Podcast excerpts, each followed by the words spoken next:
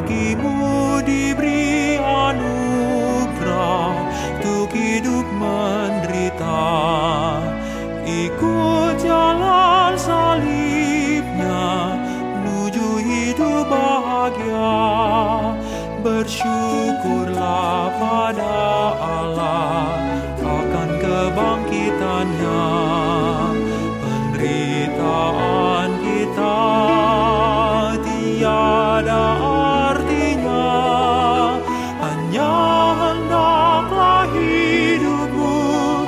sesuai dengan Injilnya.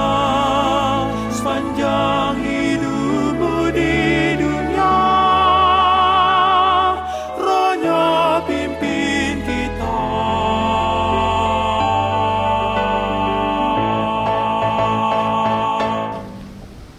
Jemaat yang dikasih Tuhan, mari kita tundukkan kepala kita sekali lagi kita mohon sungguh-sungguh kita mohon pimpinan Tuhan. Bapa kami yang bertahta dalam kerajaan surga, kasihmu tak tertandingi, kesetiaanmu tidak terduga, kuasamu tak terpikirkan oleh kami manusia dan pengampunanmu Tuhan sungguh tak layak kami terima, namun Engkau tetap memberikan. Nah saat ini ketika Engkau mengundang kami untuk datang ke tempat ini, kami percaya Tuhan ini bukan hanya sebuah rutinitas. Tetapi karena ada sesuatu yang baik Tuhan sedang sediakan bagi kami. Dan saat ini sedang kami nikmati. Kami rindu Tuhan Engkau berkuasa, Engkau bekerja dengan leluasa dalam hati masing-masing kami, mencelikkan mata hati pikiran kami untuk mengerti terangmu yang ajaib itu. Kasihmu yang besar, kebangkitanmu yang dahsyat. Sehingga boleh mengenal Engkau, mencintaimu lebih dari segalanya, lebih lagi dari hari-hari yang telah lampau kami jalan. Sertai hambamu yang lemah dan hina ini. Biarlah yang boleh pakai pemberitaan ini untuk menjadi penyingkapan bagi kehendak Tuhan. Isi hati Tuhan bagi masing-masing kami. Di dalam nama Tuhan Yesus Kristus kami naikkan permohonan kami yang bersahaja. Amin.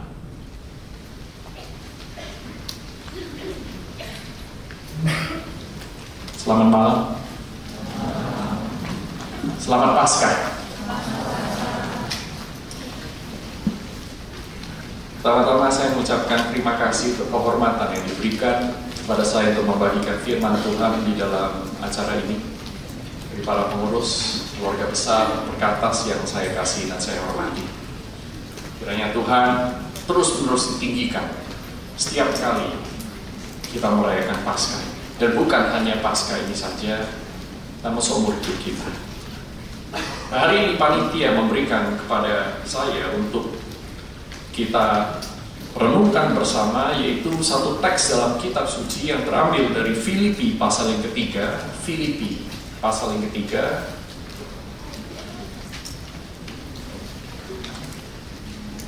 Surah Filipi pasal yang ketiga ayat yang ke 1b sampai dengan ayat yang ke 16 namun saya akan membacakan sampai ayat ke 14 saja demikian bunyi firman Tuhan Filipi pasal yang ketiga ayat 1b menuliskan hal ini lagi kepadamu tidaklah berat bagiku dan memberi kepastian kepadamu hal apa?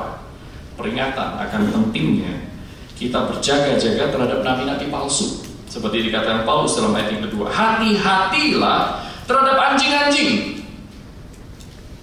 Hati-hatilah terhadap pekerja-pekerja yang jahat. Hati-hatilah terhadap penyunat-penyunat yang palsu.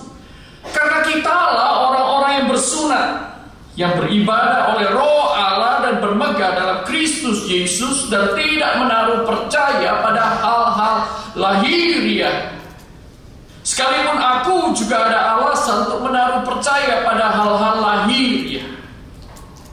Jika ada orang lain menyangka dapat menaruh percaya pada hal-hal lahir, ya aku lebih lagi.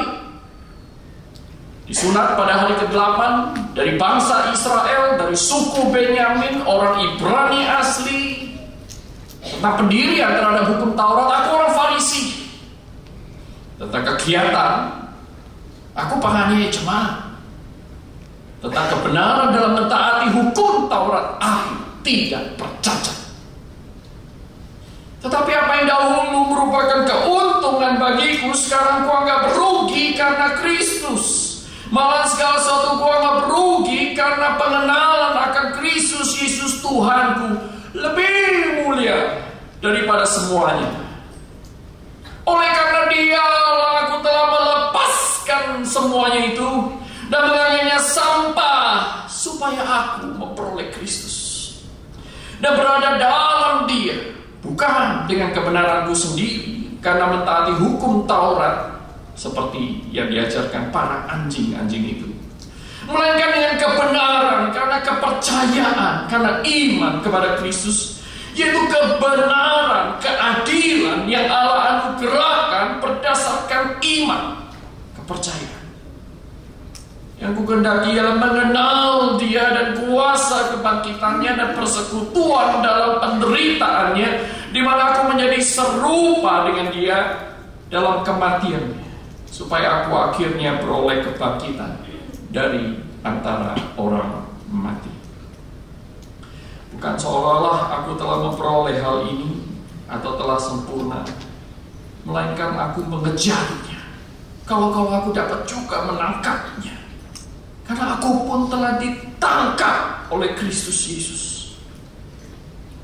Saudara-saudara, aku sendiri tidak menganggap bahwa aku telah menangkapnya, tetapi ini yang kulakukan. Aku melupakan apa yang telah di belakangku dan mengarahkan diri kepada apa yang di hadapanku.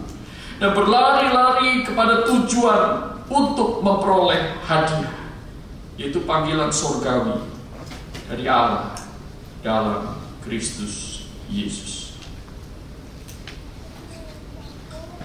Kira-kira sebulan yang lalu saya berjumpa dengan seorang bapak parubaya kira-kira 60-an tahun.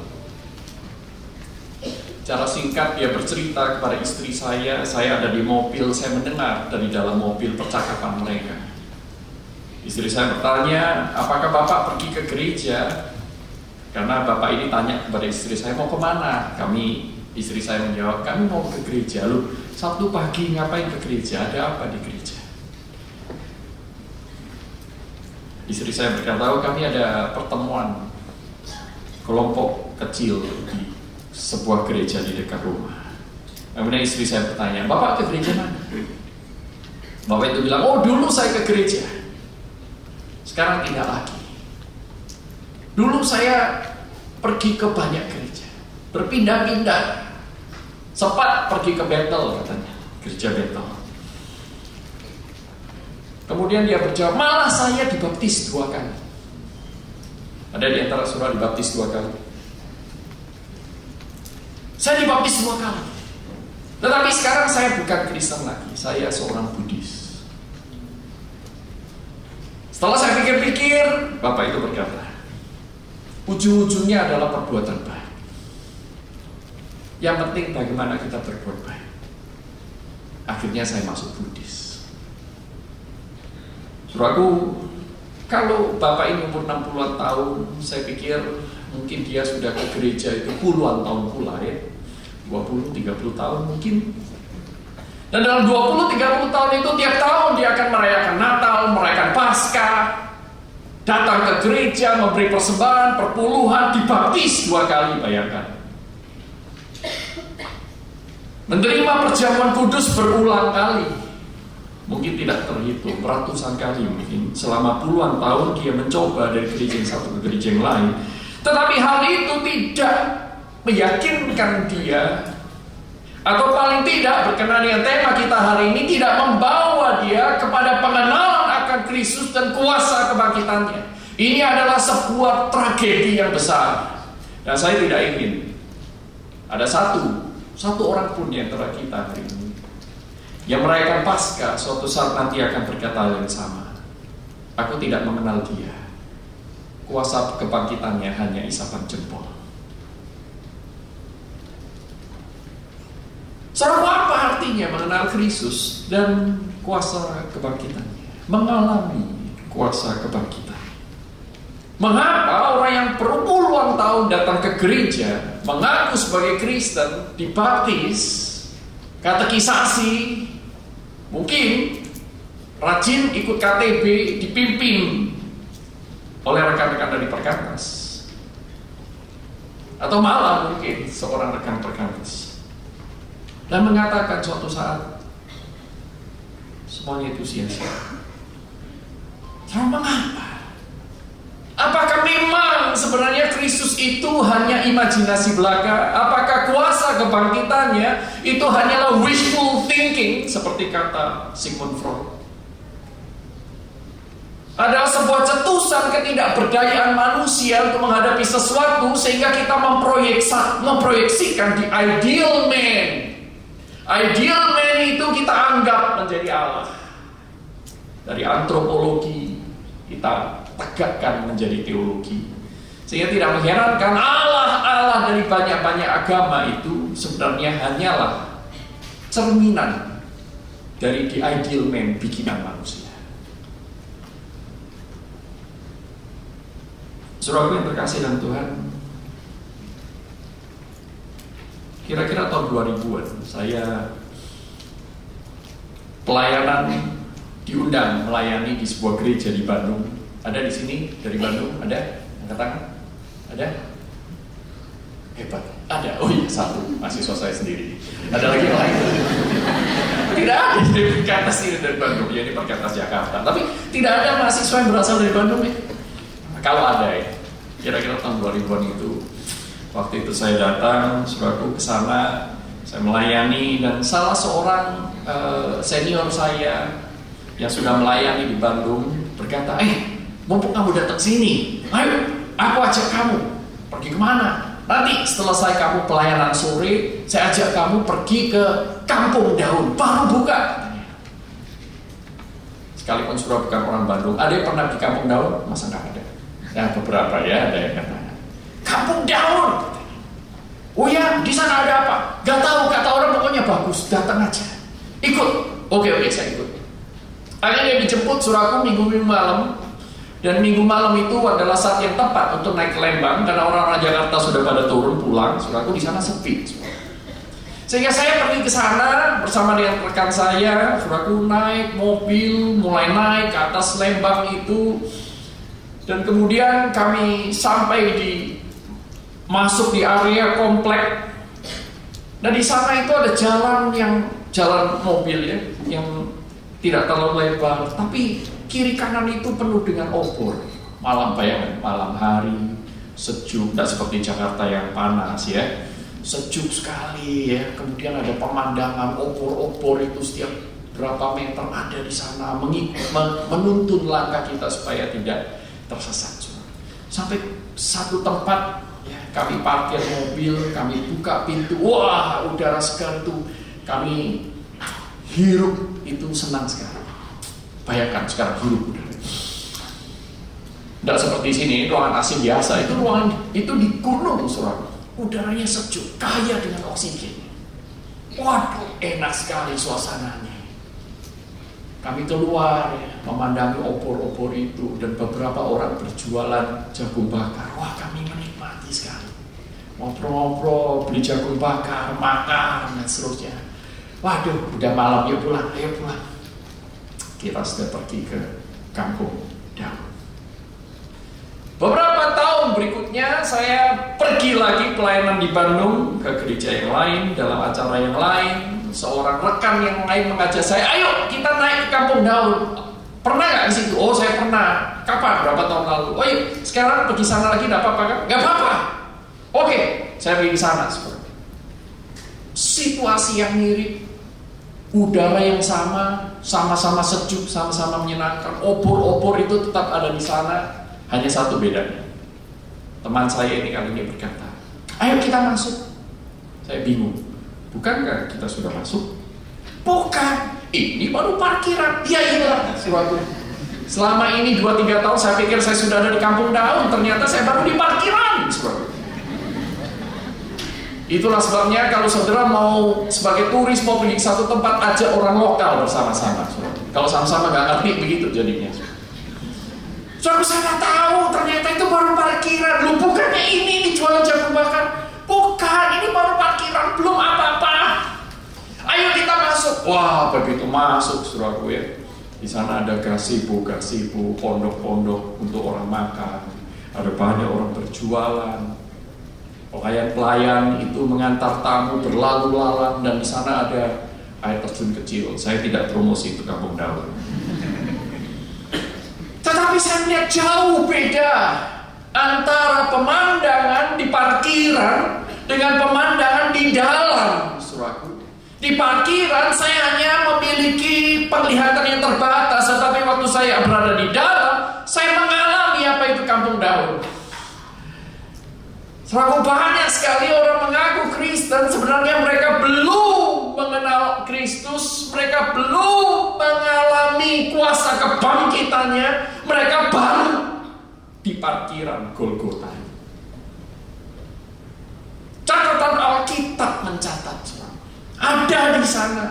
Para prajurit mengetahui fakta kebangkitan Yesus Tetapi tidak mengalami kuasa kebangkitannya Para imam kepala ahli Taurat ketika menerima laporan dari para uh, para soldiers itu, para prajurit itu, mayat itu sudah tidak ada. Kami melihat malaikat turun, kami takut, kami semburan, kami perlarian. Mereka pun berusaha untuk menutupi fakta itu, membuat alibi-alibi omong kosong.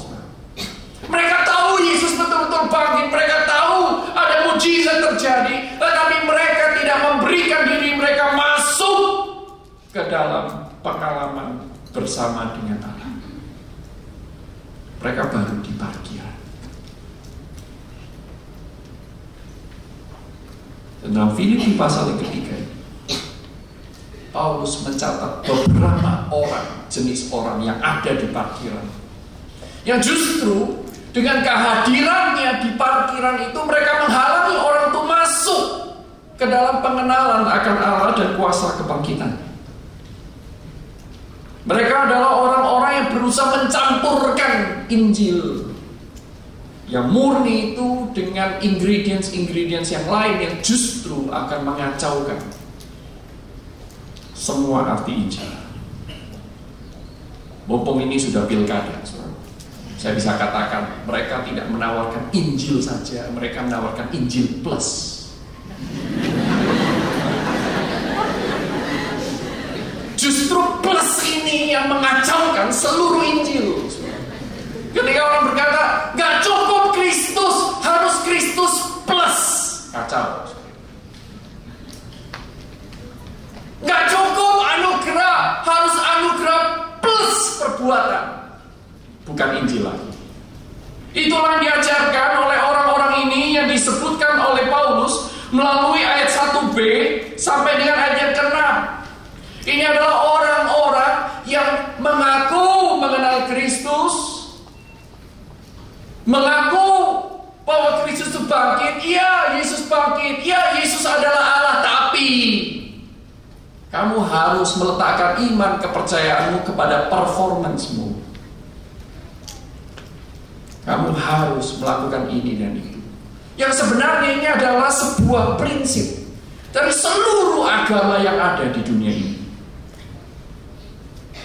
Herman Bavinck dalam bukunya Reform Dogmatics mengatakan bahwa studi perbandingan-perbandingan agama sampai kepada sebuah kesimpulan yaitu agama itu ada dua macam di dalam masalah keselamatan.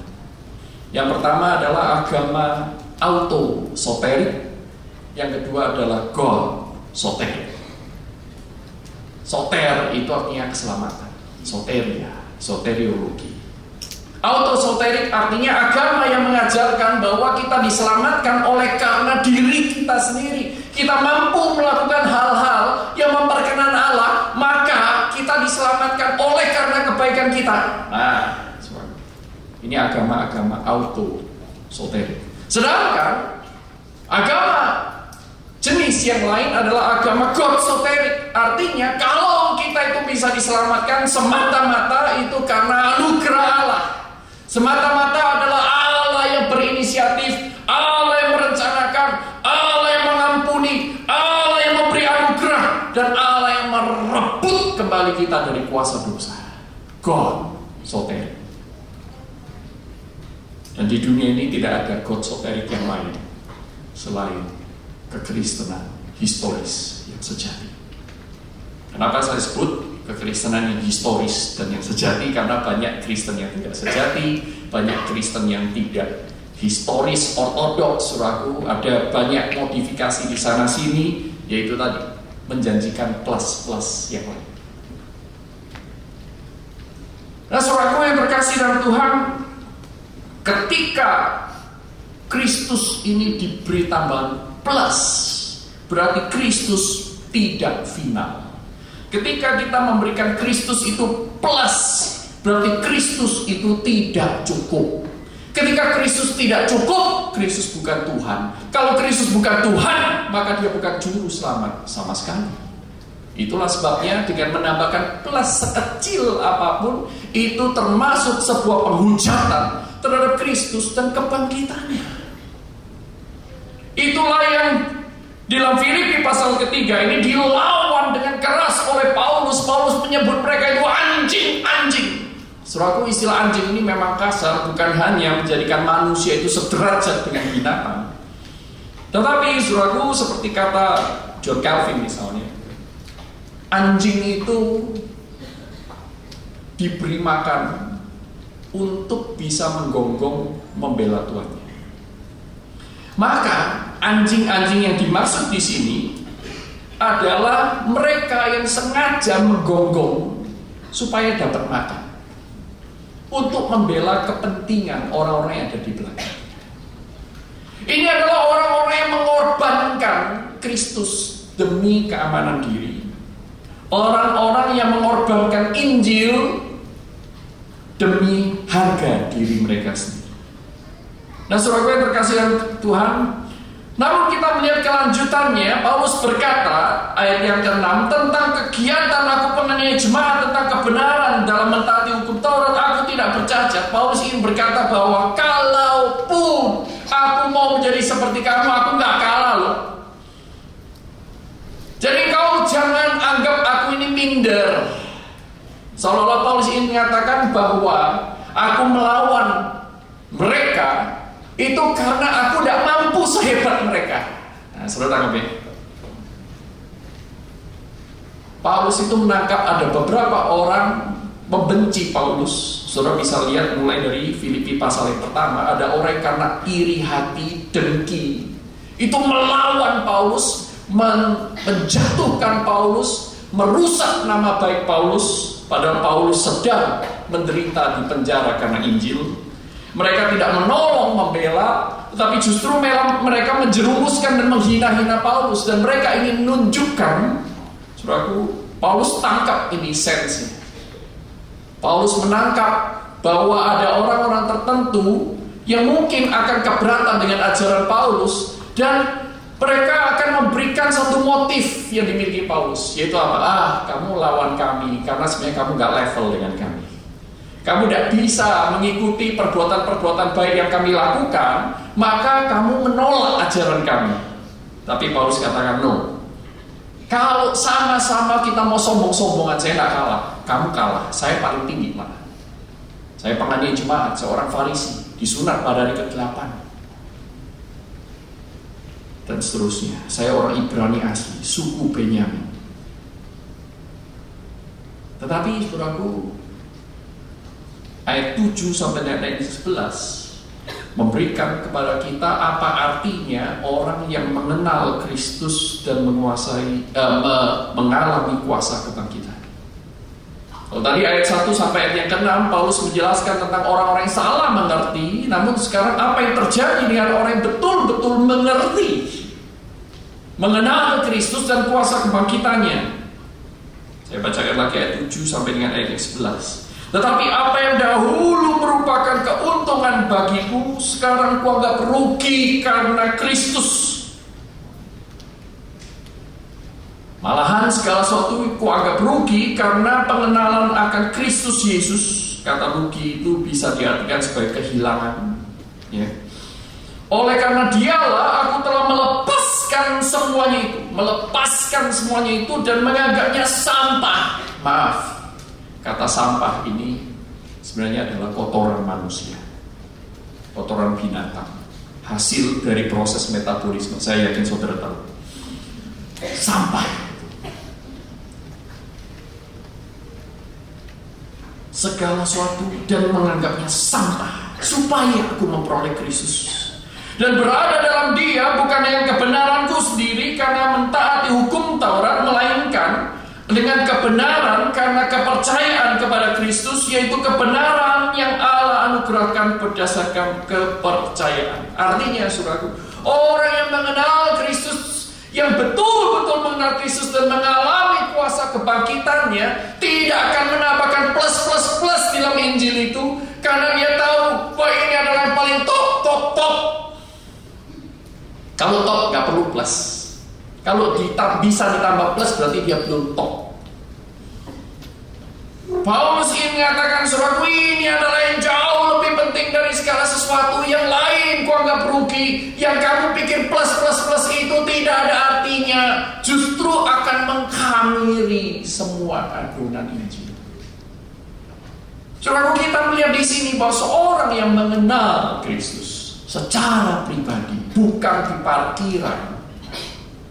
Orang yang mengalami kuasa kebangkitan Kristus saudara perhatikan, akan mengalami sebuah mind shifting, sebuah perubahan paradigma. Yang tadi penting sekarang yang rugi, yang dianggap orang yang menganggap itu penting, suraku, ini adalah rugi, sekarang ini menjadi segala sesuatu. Kristus yang tadi adalah dianggap oleh oleh Paulus ini adalah scumbag. Ini adalah tikus. Kristus itu siapa? Penyesat, layak dibunuh. Orang seperti ini kita harus buru, bunuh segera. Ini orang kecil, tidak bermakna, tidak signifikan. Ayo kita aniaya semua pengikutnya. Dulu Paulus berpikir begitu. Sehingga dia menempatkan kegiatannya sebagai penganiaya jemaat sebagai bagian dari kesombongan. Mengenai aktivitas, aku aku melakukan apa yang kalian semua tidak pernah lakukan, yaitu aku menganiaya gereja. Luar biasa. Sedemikian militan, tetapi yang dia dulu anggap penting, sekarang dianggap rugi. Ada sebuah mind shifting. Mind shifting seperti apa? Apakah surah mengalami mind shifting itu? Ketika surah mengenal Kristus, apakah surah menganggap dunia dan dosa Anda itu sebuah kerugian? Atau saudara ingin plus-plus-plus saja? Kalau saudara kurang rohani, ya dunia plus Kristus, itu kurang rohani. Agak lebih rohani, Kristus plus dunia. Kalau sama sekali tidak rohani, ya dunia tok, tidak perlu Kristus. Dunia minus Kristus. Ya kan? Kalau surah meningkat sedikit lebih baik ya kita itu menikmati dunia. Tapi masa tidak beragama? Ya tambahlah Kristen lah. Gak repot doanya. Benar ya? Jadi orang Kristen gak repot doanya. Gak harus hafal.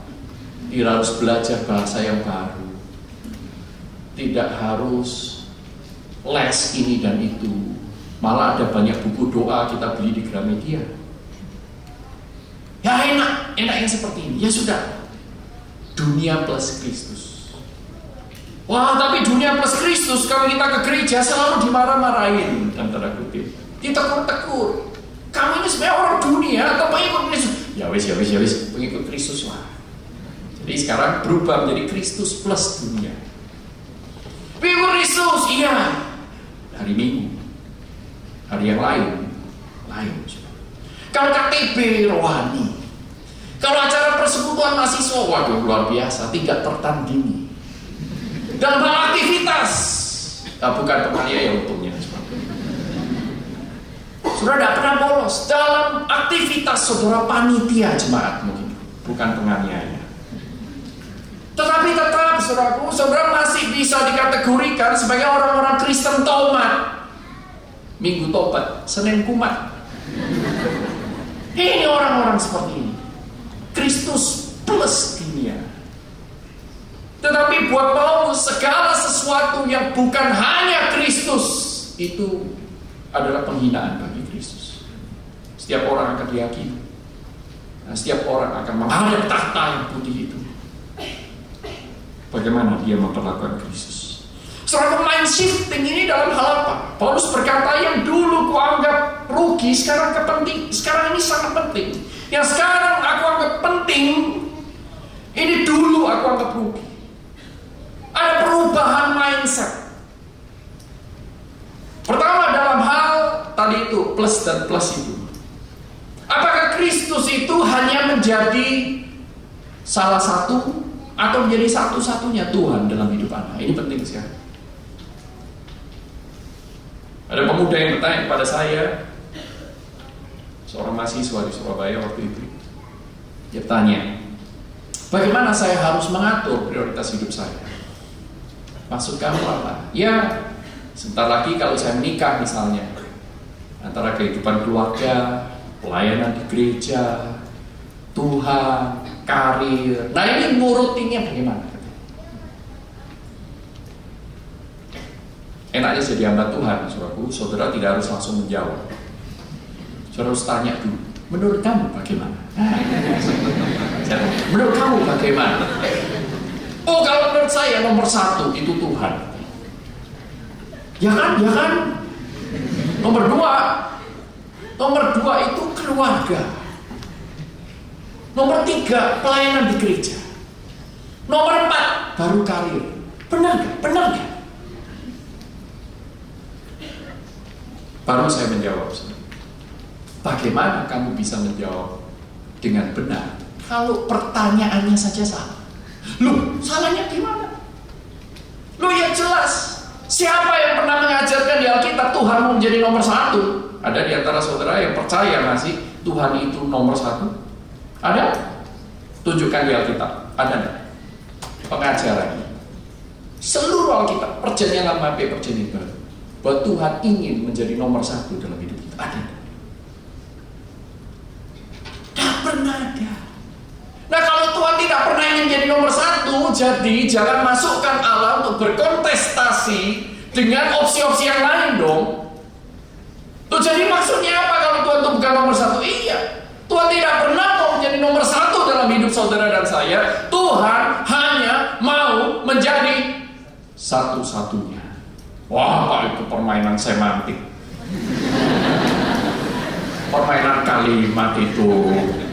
Surah ini tidak main-main, ini bukan permainan kalimat. Satu-satunya dengan nomor satu itu dua hal yang berbeda, bedanya jauh, tidak percaya. Nanti kalau saudara punya suami, punya istri, coba bayangkan.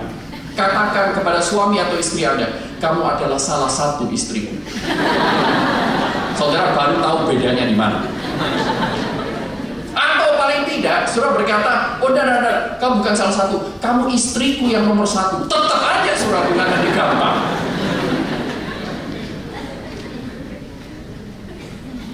Surahku nomor satu dengan satu-satunya itu dua hal yang sama sekali berbeda. Di sinilah terjadi mind shifting. Beda banget, surahku.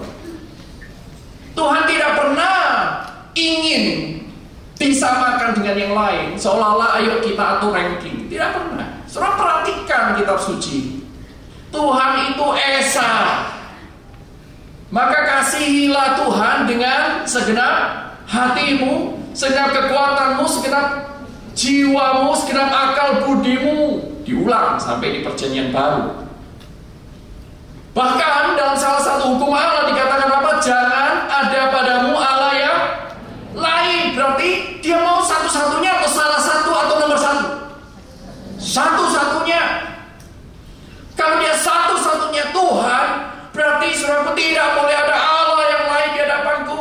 Persis seperti yang dikatakan oleh Mazmur 73 selain engkau tiada yang lain yang ku ingini di surga maupun di bumi. Sekalipun dagingku, hatiku habis lenyap, engkaulah gunung batuku dan bagianku selama lamanya.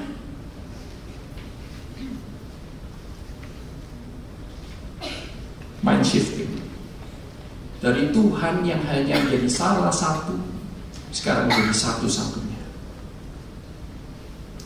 Mind shifting yang kedua, saudara. Tuhan yang satu-satunya ini lebih penting dari segala sesuatu. Ini sebagai logical consequence dari mind yang pertama.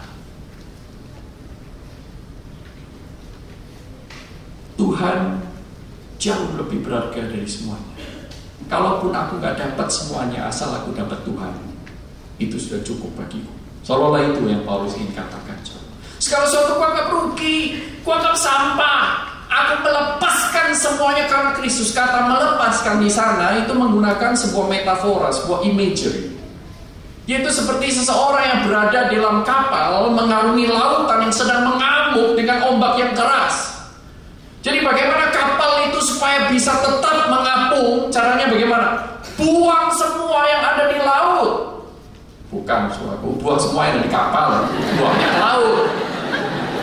Wih, bangun. Saya buang semua yang ada di kapal karena apa yang ada di kapal itu tidak lebih penting daripada keselamatan jiwa. Nah ini bahasa yang dipakai oleh Paulus surat di bagian ini. Lepaskan semuanya, lepaskan semuanya. Bahkan Kristus pernah berkata kepada seorang muda yang kaya, oke okay, sekarang kamu sudah berkata cukup melakukan firman Tuhan. Hormatilah ibu bapakmu, jangan membunuh, jangan mencuri, jangan bersina, jangan bersaksi dusta, jangan ini milik samamu. Tuhan aku sudah lakukan sejak kecil, oke. Okay. Cuma satu yang kurang. Oke okay, untuk Kristus plus, oke. Okay. Kristus plus, oke. Okay. Injil plus, oke. Okay. Religius plus, oke. Okay. Itu standar dunia. Tetapi Kristus bilang ada satu yang kurang. Sekarang pulang, jual seluruh hartamu, bagikan kepada orang miskin, kemudian ke mana? Ikutlah, gabung dengan aku. Sebenarnya Kristus ingin membuktikan bahwa orang muda yang kaya ini tidak sanggup dan tidak mau melakukan perintah utama Allah, yaitu apa? Kasihlah Tuhan Alamu dan kasihlah sesamamu manusia. Kalau kau mengasihi Tuhan lebih dari segala sesuatu, maka kau akan rela meninggalkan segala sesuatu. Dan kalau, kalau kau rela meninggalkan segala sesuatu, engkau juga tidak akan keberatan kalau segala sesuatu yang kau rela tinggalkan itu dipakai oleh Tuhan untuk mengasihi sesamamu. Maka jual, bagi kepada orang-orang miskin yang sangat membutuhkan. Dan orang itu pilih apa? Tidak pakai Kristus-Kristusan nggak apa-apa maka anak orang orang muda yang kaya itu dengan hati yang sedih meninggalkan Kristus, bukan meninggalkan hartanya, meninggalkan Kristus. Suatu mereka tidak menganggap dia tidak menganggap Kristus lebih penting daripada hartanya. Dia tidak menganggap Kristus lebih penting dari status sosialnya. Dia tidak menganggap Kristus lebih penting daripada seluruh kekayaan. Orang-orang yang seperti ini tidak layak untuk mengikut Kristus. Tuhan Yesus katakan. Lebih mudah unta masuk dalam lubang jarum daripada orang kaya masuk kerajaan surga. Orang yang seperti ini tidak layak menerima Kristus yang rela meninggalkan segalanya untuk untuk dia. Saudara, kira-kira 40 tahun yang lalu mungkin ada seorang misionaris bernama Glenn Edsit. Glenn Edsit. Misionaris di China, dia ada di Cina sekian tahun merintis pemberitaan Injil secara sembunyi-sembunyi untuk orang-orang Cina. Dia memiliki dua anak. Suatu saat pintu rumahnya digedor. Dua tentara datang dan berkata, hari ini juga kamu tinggalkan Cina. Kalian sekeluarga dideportasi. Dan kalian punya kesempatan membawa barang, membawa apa pun dengan berat tidak lewat dari 200 pound. Saya itu hitung tadi 200 pound itu 9 uh, kira-kira 90 90-an kilo. 90-an kilo. Dan kemudian saudara, mereka langsung Glenn Edsit kumpulkan istrinya, anak-anaknya, dan kemudian berkata bahwa kita harus cepat-cepat pergi ya. Jadi sekarang kumpulkan barang-barang yang kalian mau bawa, nanti kita timbang. Mereka kumpulkan semuanya. Waduh, lihat ada vas bunga yang bagus sekali yang selalu menemani dia untuk me mengetik atau mem di meja belajar. Waduh, ada mesin tik yang sangat kuno yang bagus sekali. Waduh, anak-anaknya mungkin melihat ini ada boneka, ini ada buku cerita yang bagus sekali. Mereka simpan semua. Mereka kumpulkan, kumpulkan, kumpulkan, ditimbang kelebihan. Ayo, mana yang kurang penting dibuang. Mana yang kurang penting lagi dibuang timbang lagi. Wah, masih kelebihan, masih kelebihan. Ayo, ini buang. Kamu aja, buang aja punyamu itu. Nanti kita beli lagi yang baru di Amerika. Uh, enggak, enggak, ini punya makna sentimental buat saya. Oh, jangan, jangan.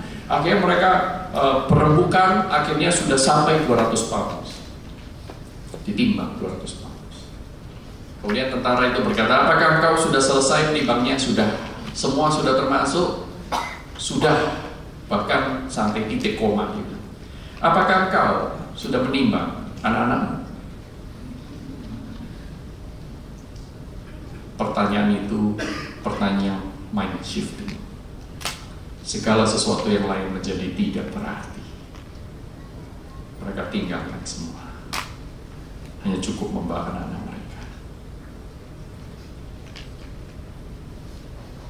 Saudaraku kasih Kristus mestinya mind shifting buat kita kalau kita semakin mengenal dia. Bukankah dalam Roma pasal 8 dikatakan bahwa ia yang tidak merelakan anaknya yang tunggal diserahkan kepada kita. Tentu dia akan mencukupi kebutuhan. Karena begitu besar kasih Allah akan dunia ini Sehingga ia mengaruniakan anaknya yang tunggal Supaya barang siapa percaya kepada tidak binasa tidak terhilang di dalam kekekalan, tidak harus menerima hukuman kekal, tidak harus masuk dalam api neraka di mana rata dan kertak gigi tidak akan habis-habisnya ada di sana.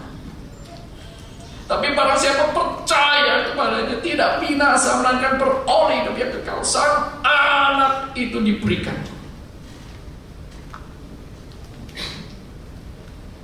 Kalau Kristus kurang penting, jika dibandingkan dengan apa yang dia minta saudara lepaskan Apa yang lebih penting Yang bisa membuat anda melepaskan segala sesuatu Kalau kasihnya yang begitu besar Tidak memikat anda sehingga anda rela Untuk tidak lagi mendua hati Menyembah hanya kepada satu Allah itu Kasih seperti apa lagi yang membuat anda Menjadi setia kepadanya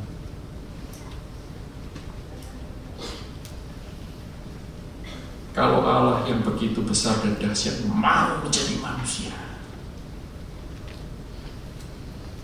Apakah ada yang lebih besar dari dia yang bisa membuat Anda berpikir dosaku ini membuat aku rugi. Aku tinggalkan dosa.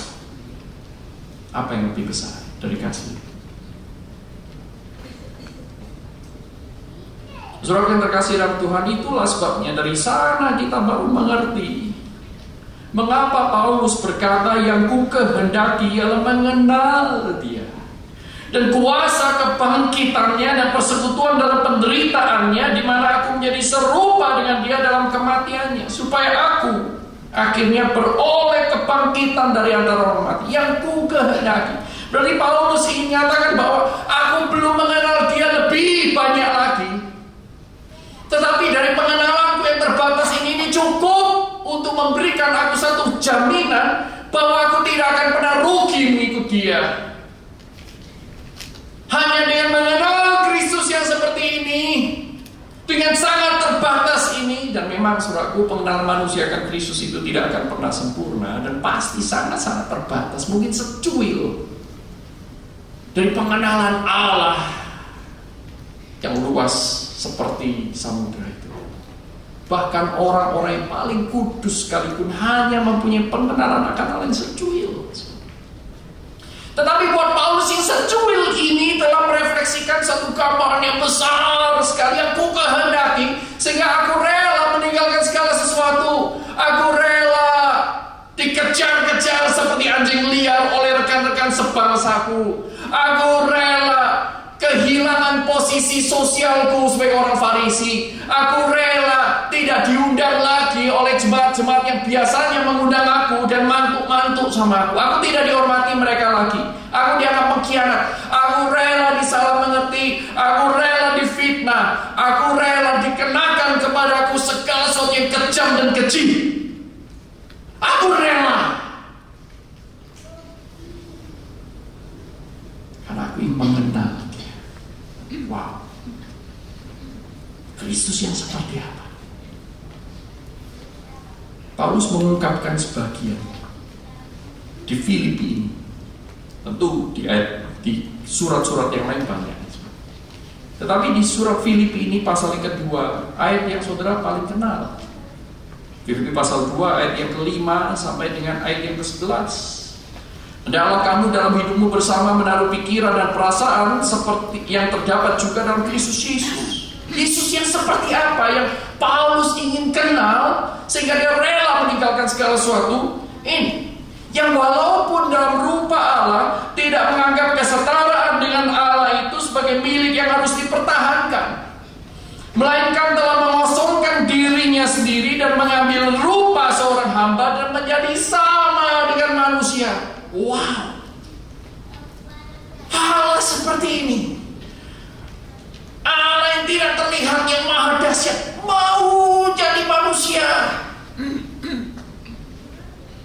Jadi seorang hamba dan dalam keadaan sebagai manusia ia telah merendahkan dirinya dan taat sampai mati bahkan sampai mati di kayu salib. Itulah sebabnya Allah sangat meninggikan dia dan mengaruniakan kepadanya nama di atas segala nama supaya dalam nama Yesus bertekuk lutut segala yang ada di langit dan yang ada di atas bumi dan yang ada di bawah bumi dan segala lidah mengaku Yesus Kristus adalah Tuhan bagi kemuliaan Allah Bapa. Amin. Dia adalah Tuhan dan itu cukup untuk taat sampai mati kepadanya.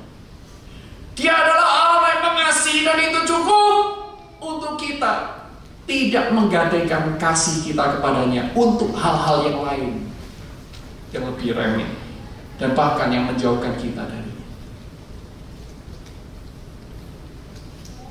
Aku mind shifting ini seperti digambarkan dalam Injil misalnya Matius 15. Di sana Tuhan Yesus memberikan sebuah perumpamaan tentang seorang yang pekerja yang mencangkul, menggarap tanah dan kemudian menemukan harta karun. Saya akan ceritakan konteksnya.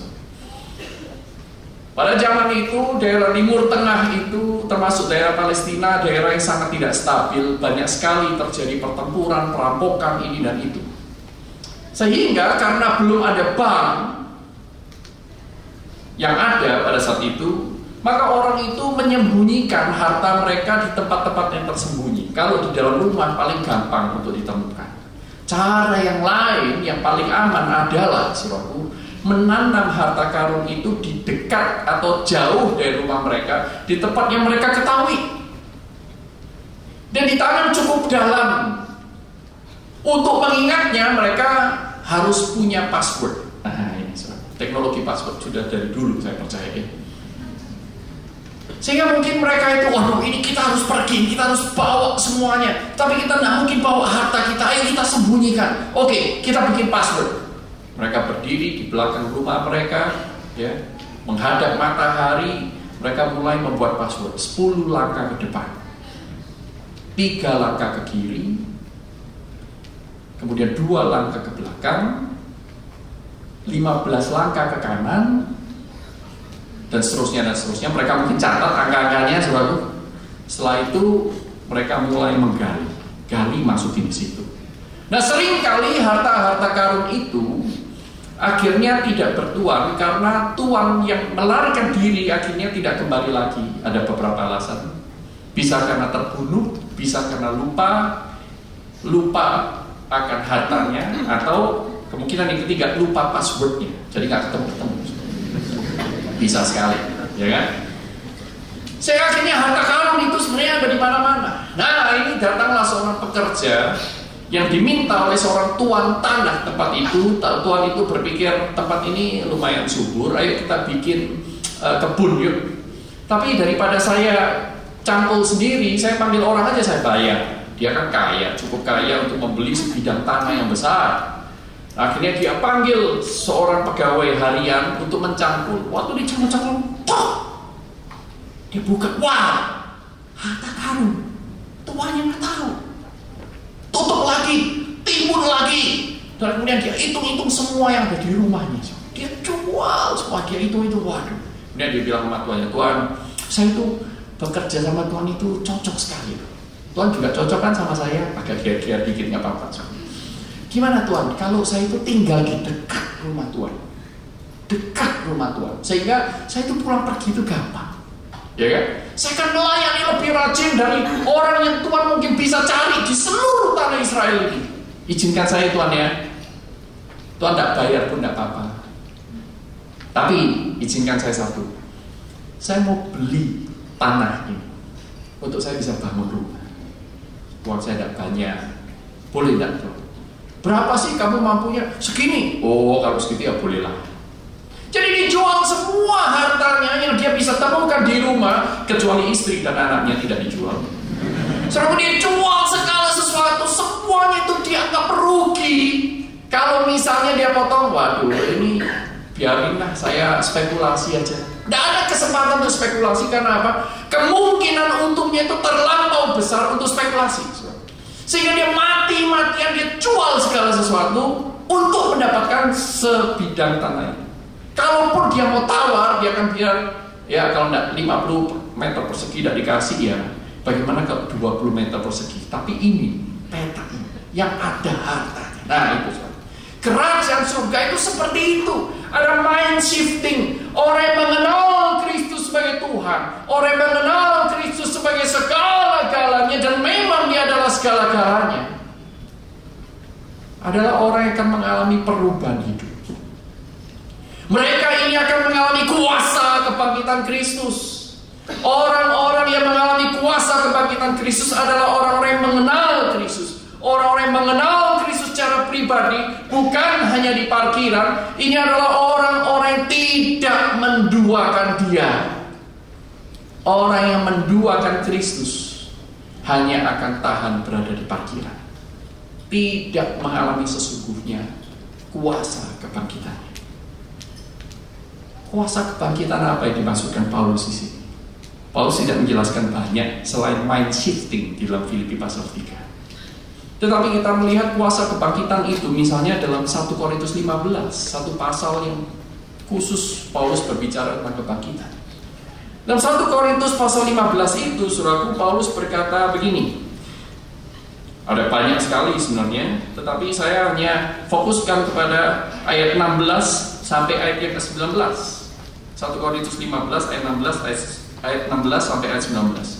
Jika benar orang mati tidak dibangkitkan, maka Kristus juga tidak dibangkitkan. Dan jika Kristus tidak dibangkitkan, maka sia-sialah iman kamu dan kamu masih hidup di dalam dosamu. Demikianlah binasa juga orang-orang yang mati dalam Kristus Jikalau kita hanya dalam hidup ini saja menaruh pengharapan pada Kristus maka kita adalah orang-orang yang paling malang dari segala manusia. Sebab saya ingin fokuskan kepada ayat yang ke-17 di sini. Jika Kristus tidak dibangkitkan, maka sia-sialah iman kepercayaan kamu dan kamu masih hidup di dalam dosamu. Ada satu kuasa yang dahsyat di sini. Yang dikatakan Paulus dalam 1 Korintus 15 ayat 17. Yaitu kalau Kristus itu bangkit, berarti dosa kita diselesaikan.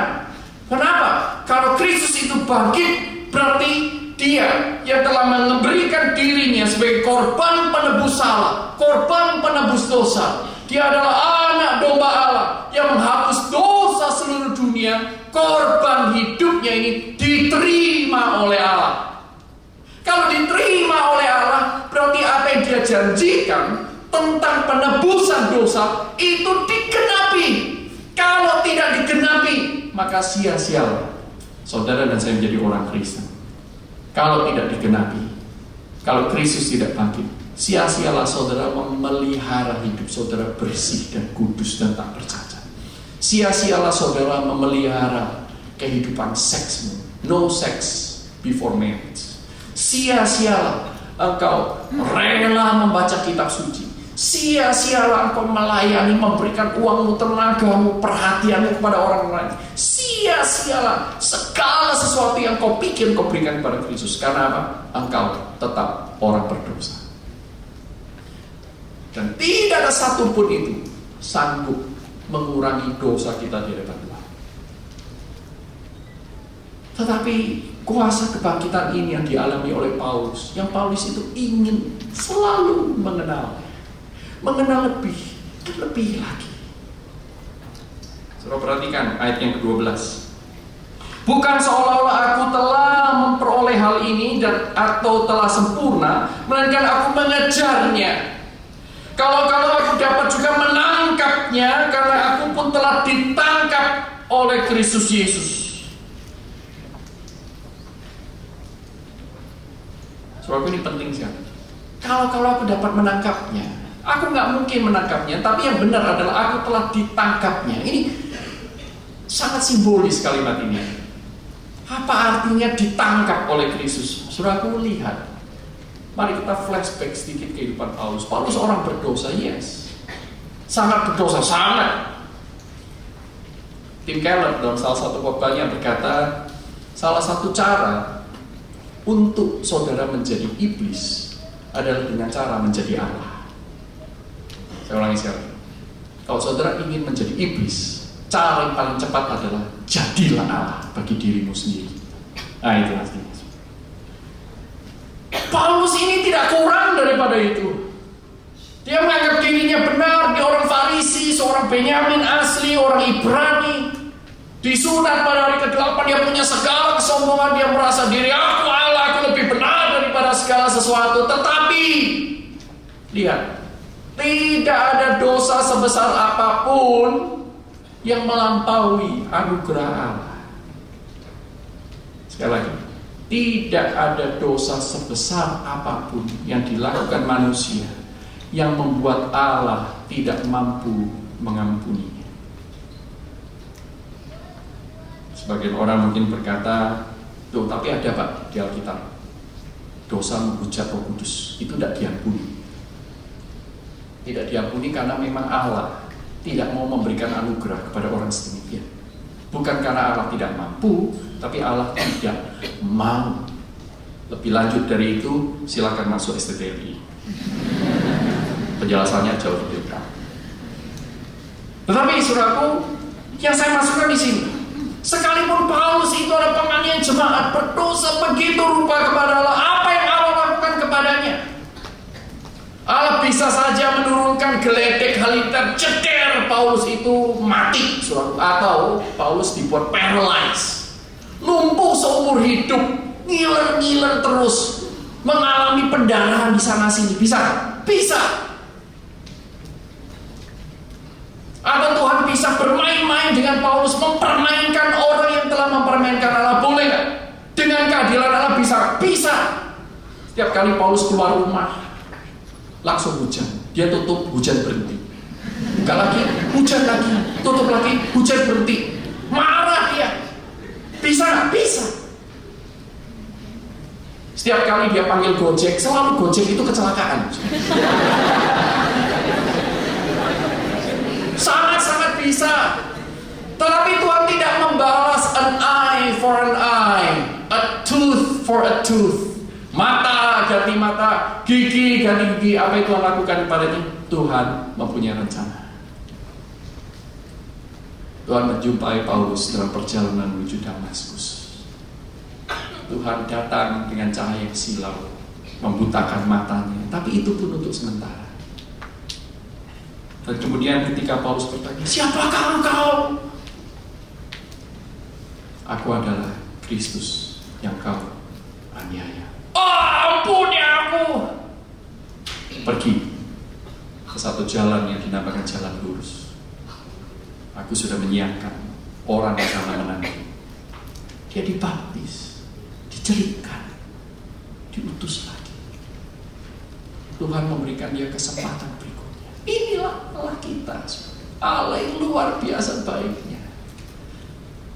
Saudaraku, waktu Tuhan Yesus bangkit, para murid baru berada di pelataran, saudaraku. Mereka mengenal Kristus tetapi tidak mengenal Kristus secara pribadi dengan benar doktrin mereka masih kacau balau. Mereka pikir Kristus akan datang menunggang kuda putih. Eh, masuk Yerusalem cuma pilih keledai. Kalau pemerintah politik masuk Yerusalem di Minggu malam, langsung akan obrak-abrik Pilatus. Mumpung seluruh rakyat ada di belakangnya, tentara Romawi pun tidak akan sanggup melawan seluruh rakyat yang sedang beribadah menuju Yerusalem. Tapi Tuhan Yesus tak pilih pergi ke istana Pilatus. Dia malah pergi ke bait Allah. Menunjukkan bahwa dia adalah Raja damai. Kerajaanku bukan dari dunia ini. Saudaraku, para murid mengenal Kristus. Saudara bayangkan bukan hanya retret tiga hari dua malam. Para murid ini retret tiga tahun lebih bersama dengan Kristus sebagai pembicara tunggal. Bayangin. Bayangin. Tetapi mereka masih berada di parkiran. Bahkan ketika Tuhan Yesus sudah bangkit, mereka tuh, aku bangkit. Tapi mereka galau. Mau ngapain kamu Yesus itu bangkit? Kuasa kebangkitannya itu apa artinya buat saya? Mereka nggak tahu. Nggak tahu. Sampai suatu ketika para murid itu berkata, yuk. Bukan kita main bola lagi. Yuk, kita mancing lagi. Dipanggil untuk menjadi penjala manusia. Mereka kembali menjala ikan. Malah menjala ikannya berjemaah. Ayo sama-sama. Sehingga Tuhan Yesus yang tahu mereka sudah sekali melarikan diri ketika Yesus disiksa dan disalib. Sekarang mereka melarikan diri dari panggilan Tuhan. Tetapi Tuhan, suruh perhatikan. Tuhan Yesus tidak pernah menyerah terhadap anak-anaknya.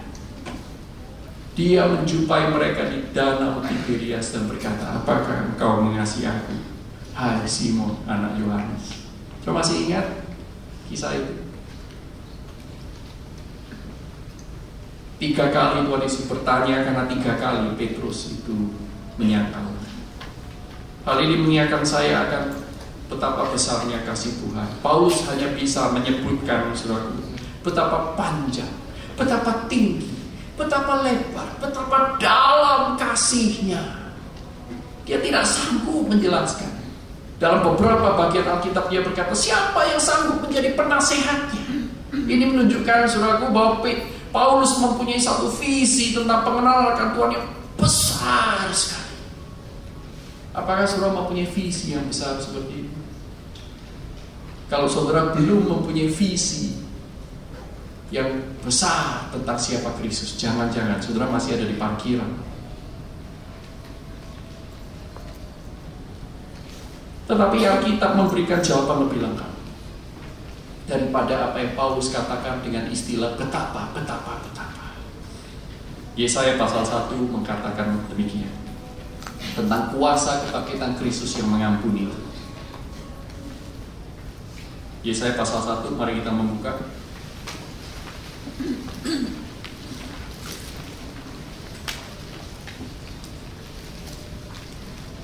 Ayat yang ke-18 Setelah Tuhan menegur orang-orang Israel yang beribadah plus-plus Beribadah tidak dengan sungguh-sungguh yang menjijikkan bagi Tuhan Tuhan tidak memecah tanah dan menelan mereka hidup-hidup seperti yang dia lakukan pada para pemberontak di padang gurun. Tapi Tuhan memberikan penawaran. Ayat 18. Baik, marilah, baiklah kita berperkara firman Tuhan. Sekalipun dosamu merah seperti kirmis, akan menjadi putih seperti salju. Sekalipun berwarna merah seperti kain kesumba, kain yang diberi pewarna akan menjadi seputih seperti bulu domba. Jika kamu menurut dan mau mendengar, maka kamu akan makan hasil baik dari negeri ini.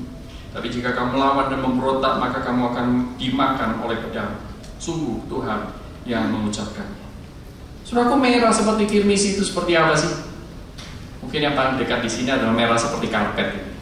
Sudah lihat karpet merah ini seperti ini. Merah yang rich, merah yang kaya, merah yang pekat, merah yang tidak ada putihnya, merah yang tidak ada warna yang lain, merah yang merah. Kirmisi itu berasal dari kata kermes.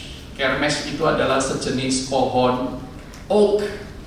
Pohon itu macam-macam dari sekian banyak pohon spesies itu eh, dari genus itu ada namanya pohon oak. Dari pohon oak ini juga ada macam-macam. Nah ini ada salah satu macam dari pohon oak namanya pohon oak kermes.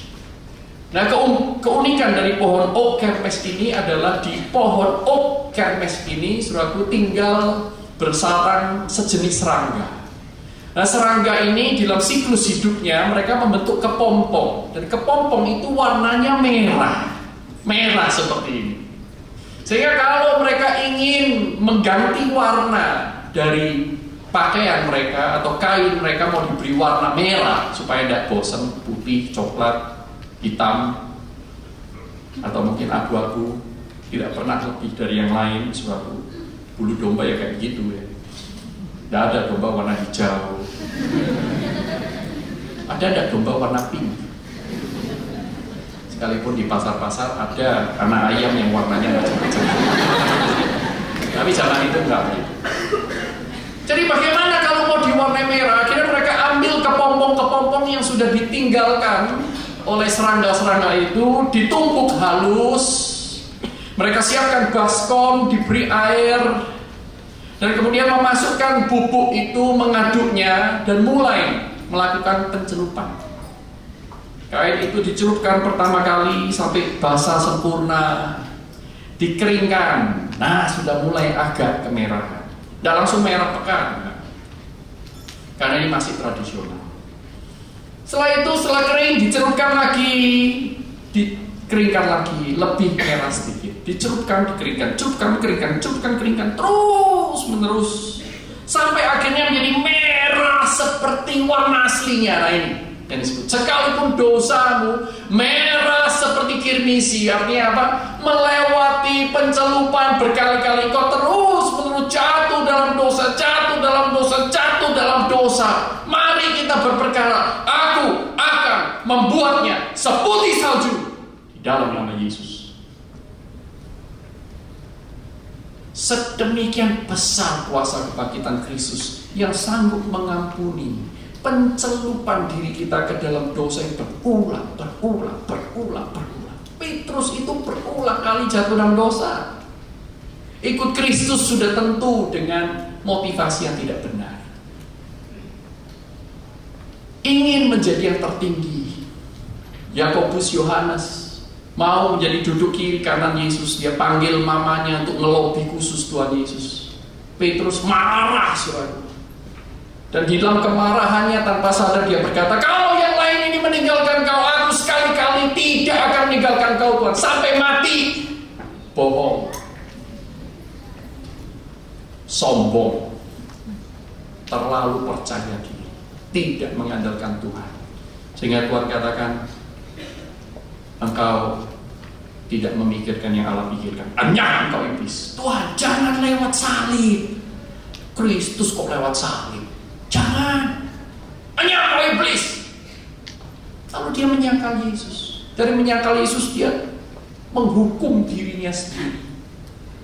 Apa artinya? Ke mana dia kita menghukum dirinya sendiri? Surah lihat bahwa sejak sejak Tuhan Yesus mulai menyatakan dirinya bangkit, tidak pernah ada perbincangan antara Tuhan Yesus dengan Petrus. Bahkan ketika para murid itu disapa oleh Tuhan satu persatu. Thomas diajak bicara, ini cucukkan jari. Tidak ada suraku perbincangan dengan Petrus sampai Yohanes pasal 21. Itu artinya Petrus akan, saya yakin kalau saya menjadi Petrus ya. Saya pikir seperti itu surat yang terjadi. Petrus akan beringsut mengambil tempat paling belakang. Dia tahu dia tidak layak. Dia tidak mau lagi dipakai oleh Tuhan. Dia salah seorang yang ikut menjadi nelayan. Tidak mau menjadi penjala manusia lagi. Tetapi sekalipun dia dari dosa yang satu menuntun pada dosa yang lain, Tuhan tidak pernah menyerah kepadanya karena kuasa kebangkitan itu telah mengampuni umat-umat pilihannya. Inilah dahsyatnya kuasa kebangkitan. Kuasa kebangkitan seperti ini mind shifting kita yang selalu menarik kita, memikat kita sehingga orang-orang seperti Paulus yang mempunyai pikiran yang sangat cerdas, yang mempunyai logika yang sangat tinggi dimenangkan bagi Tuhan. Tidak perlu takut. Sampai Paulus berkata, aku akan mengarahkan hidupku kepadamu, berlari-lari mengejar yang di depanku, melupakan yang di belakangku. Ini bukan orang bodoh. Tetapi kalau bukan Kristus, siapa yang sanggup membuat Paulus berubah semikian rupa? Kalau bukan Kristus dengan kuasa kebangkitannya, apa yang membuat Petrus rela meninggalkan jalannya? Apa yang membuat Petrus rela meninggalkan semua zona nyaman? Dia meninggalkan keluarganya. Paulus meninggalkan karirnya. Sebagian di antara kita, rekan-rekan alumni perkantas juga telah meninggalkan hak mereka untuk mendapatkan jabatan tinggi dengan cara dunia. Kalau bukan Kristus, siapa?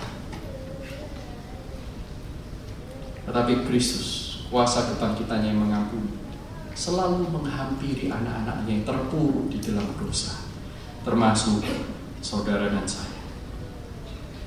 Paulus dengan rendah hati berkata di ayat 13, Saudara-saudara aku sendiri tidak menganggap bahwa aku telah menangkapnya. Aku tidak bilang bahwa aku itu yang paling mengerti tentang Kristus. Tetapi ini attitudeku, ini sikapku. Bahwa tetapi ini yang kulakukan. Aku melupakan apa yang telah di belakangku Aku tidak ingin terpuruk dalam perasaan rendah diri yang merupakan jebakan-jebakan psikologis tertentu yang dimiliki oleh kita orang berdosa. Atau padanannya sisi yang lain dari mata koin yang sama adalah menjadi tinggi hati. Aku akan tinggalkan semuanya itu dan mengarahkan diri kepada apa yang di hadapanku. Kembali berlari-lari itu panggilan yang kekal. Yang tidak dimengerti oleh dunia. Yaitu apa? Menjual diri menjual seluruh yang aku bisa korbankan demi mendapatkan Kristus, demi membahagiakan Dia, demi menyenangkan hati Tuhan yang telah mati untuk aku. Dan berlari-lari kepada tujuan untuk memperoleh hadiah, yaitu panggilan surga dari Allah dalam Kristus Yesus. Dalam Filipi pasal yang kedua, Paulus berkata, hidup adalah Kristus, mati adalah keuntungan. Filipi pasal yang pertama. Inilah yang Paulus kejar. Dan dia kejar ini bukan kejar nyantai, suratku bukan menjadi orang Kristennya, oke okay, let's go with the flow ya, jalan-jalan aja, ya ngikutin aja lah. Nanti setelah lulus ya kita lihat ada kesempatan apa, nyantai saja. Kalau bisa lulus 6 tahun, kenapa harus lulus 4 tahun? sama seperti orang berusaha ayo ayo kita latihan latihan sit up sit up supaya punya six pack supaya punya six pack lalu orang bilang satu aja cukup ngapain enam kita enggak surat Orang yang mengenal Kristus dan kuasa kebangkitannya mereka akan dibakar oleh passion for Christ. Mereka akan dibakar oleh cinta kepada Tuhan. Tidak ada waktu yang tidak berharga untuk kita sia-siakan. Tidak ada kesempatan ekstra buat saudara dan saya. We cannot turn back the clock. Saudara tanya kepada orang-orang yang lebih tua dari. Belajarlah hikmah dari mereka. Betapa waktu itu tidak bisa berulang.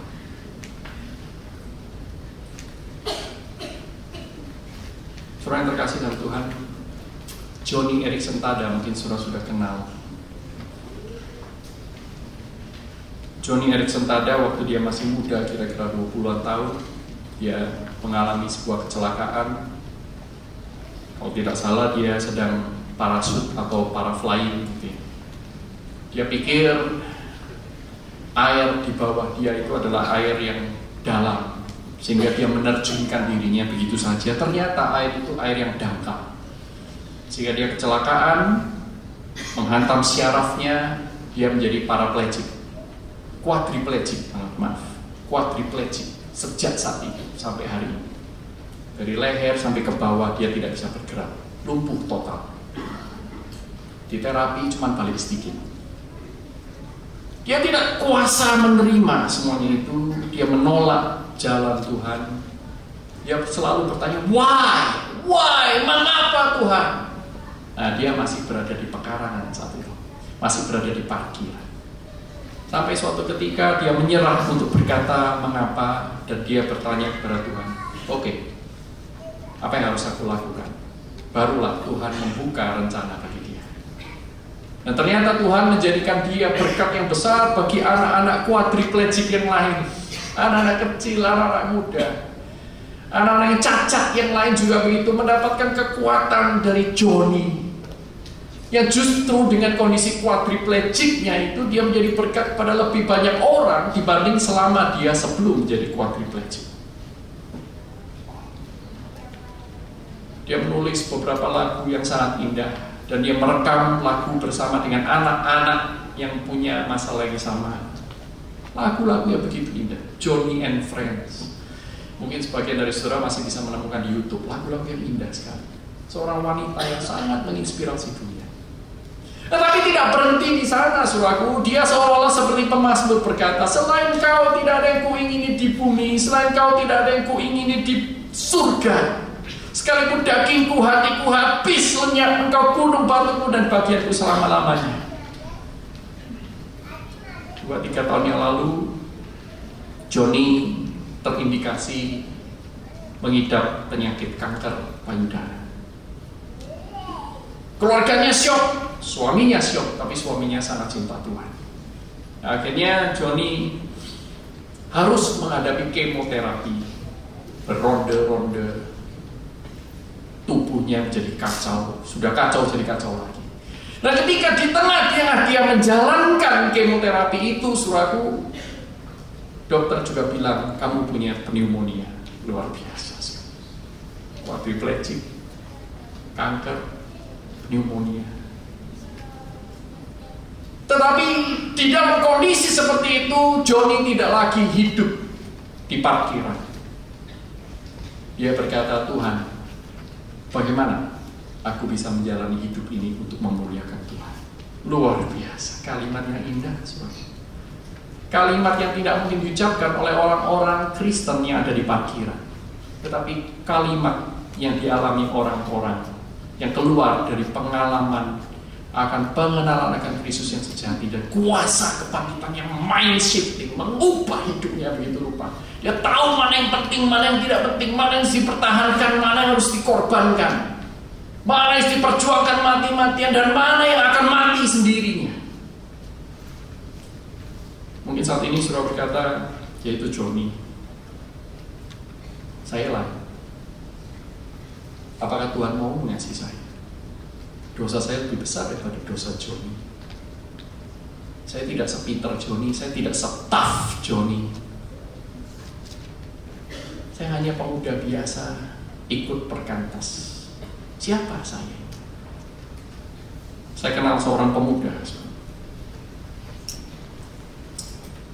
Masa mudanya dia mempunyai banyak sekali hal yang tidak yang pertama dia punya history of violence, sejarah kekerasan. Salah satu pamannya itu mempunyai membuat sebuah organisasi, organisasi ini mengumpulkan para ex narapidana. Ex narapidana itu kalau keluar dari penjara susah sekali cari kerja. So. Ada di antara saudara mau mempekerjakan para ex narapidana. Saya bisa salurkan kalau mau. Tapi ini pamannya membuka organisasi khusus untuk para ex narapidana dikasih kerja. Kerja yang paling cocok untuk mereka kira-kira apa? Anda tahu? Debt collector, betul. mentok. Jadi kalau ada orang yang punya piutang nggak dibayar-bayar sama pengutang, dia akan hubungi organisasi ini, tolong balikin duitku dari orang ini. Mereka akan kirim, organisasi ini akan kirim dua tiga orang yang besar sekali ekstra pidana, sesuatu dia tidak takut masuk penjara, dia tahu apa isi penjara. Kenalan semua di sana. Dia nggak takut ke sana, mau masuk penjara lagi ya, cuma beda tempat tidur. No problem. Dia akan seret itu masuk ke rumah anak muda ini. Kepukin di sana, itu menjadi pemandangan saya. Dan dalam masa-masa nganggur, para ex narapidana ini ngapain coba? Minum minuman keras, rokok, adu pancu, keprak-keprak meja. History of violence. Bukan hanya itu, dia juga punya history of gambling. History of gambling. Keluarganya keluarga penjudi. Semua bisa berjudi. Sejak kecil anak-anak dilatih main mahjong. Sejak kecil main mahjong keluarga ini juga terkenal suraku dia menjadi keluarga penyalur distributor utama pada zaman itu namanya SDSB Porkas Lotre. Sumbangan dana sosial berhadiah yaitu judi yang dilegalkan. Ini jadi penyalur. Semua keluarga penjudi.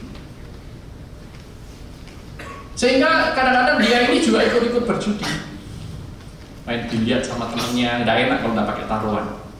Kalau dia kalah hutang diambil curi uang mamanya untuk bayar. Curi curi curi curi. History of gambling history of violence history of thievery nyolong history of pornografi. Keluarganya punya rental video rental video kalau video-video resmi dapat license dari pemerintah videonya cuma sedikit dan mahal harganya. Akhirnya kalau sekarang kan gampang tinggal download. Pada zaman itu nggak import surah pergi sendiri pergi ke Hong Kong pergi ke Taiwan pergi ke mana menyelundupkan gulungan-gulungan video yang hitam. Saya takut golongan milenial nggak tahu video warna hitam mereka selundupkan masuk dalam koper-koper-koper itu ada tekniknya menyelundupkan sedemikian rupa. Kalau ketangkap suap selesai. Intinya jual film-film di luar film resmi dan yang paling laku adalah film porno.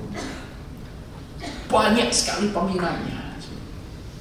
Sejak muda dia sudah nonton. Mau tipe apa pun dia sudah nonton.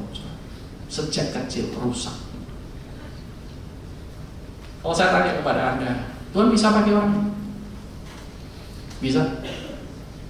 Saudara mau nikah dengan orang seperti ini? History of violence, history of gambling, history of pornography. Gak gampang. Tetapi Tuhan itu baik. Tuhan yang bangkit, Tuhan yang hidup, Tuhan yang memegang janjinya, Tuhan yang memilih, Tuhan yang berencana, Tuhan yang memberi kesempatan kesekian kalinya. Tuhan menghampiri anak ini sejak dia SMP 2 mempertobatkan dia mempertemukan dia dengan Injil. SMA 2 dia menyerahkan diri. Jadi hamba Tuhan? Dan hari ini dia berdiri di hadapan Anda. Bukan karena kebaikan seperti yang Paulus katakan, bukan kebenaran, bukan kebaikan, tetapi kuasa kebangkitan yang nyata. Dia tak pernah menyerah kepada kita semua. Hari ini, saudara, ketika kau merayakan Paskah, kau berkata, Yesus bangkit. Jangan seperti orang yang berada di parkiran. Apakah kau betul-betul mau masuk mengenal dia sebagai Tuhanmu? Mengalami kuasa kebangkitan yang mengubah caramu berpikir, mengubah hidupmu, tidak lagi menjadi penjala ikan. Bahkan tidak cukup menjadi penjaga akuarium di gereja-gereja. Jadi penjala manusia. Dan tidak ada yang lebih berharga dari panggilan yang satu itu. Tuhan panggil kau jadi apa pun, semuanya harus untuk menjala manusia. Tuhan mau panggil kau jadi dokter, jadilah dokter yang berjalan manusia. Panggil kau jadi insinyur, jadilah insinyur yang berjalan manusia. Memanggil kau menjadi konglomerat, jadilah konglomerat yang menjalan manusia. Kalau Tuhan mau jadikan kau hal-hal yang lain, Tuhan akan memakai kau. Mari kita tundukkan kepala. Musik memainkan lagu kasih yang ajaib. Kasih dari Golgota. Setiap orang datang kepada Tuhan. Dengarkan dia menjumpai hari secara pribadi. Tenangkan hatimu. Dia hadir di tempat ini. Seperti kepada Petrus, kepada Paulus. Dia menyatakan, aku adalah Kristus yang kau aniaya. Aku adalah Kristus yang sering kau kianati di dalam jubah agama. Aku adalah Kristus yang kau salibkan di hadapan orang-orang dunia. Kau mempermalukan aku. Tapi inilah aku. Aku ada di sini. Mari kita berperkara. Sekalipun dosamu merah seperti kirmis, aku akan menjadikannya seperti salju. Sekalipun dosa merah seperti kayu kesumpah, aku akan menjadikannya domba. Kekuasa kebangkitan akan membuat kita menang atas kuasa dosa. Asal kau serahkan hidupmu. Hari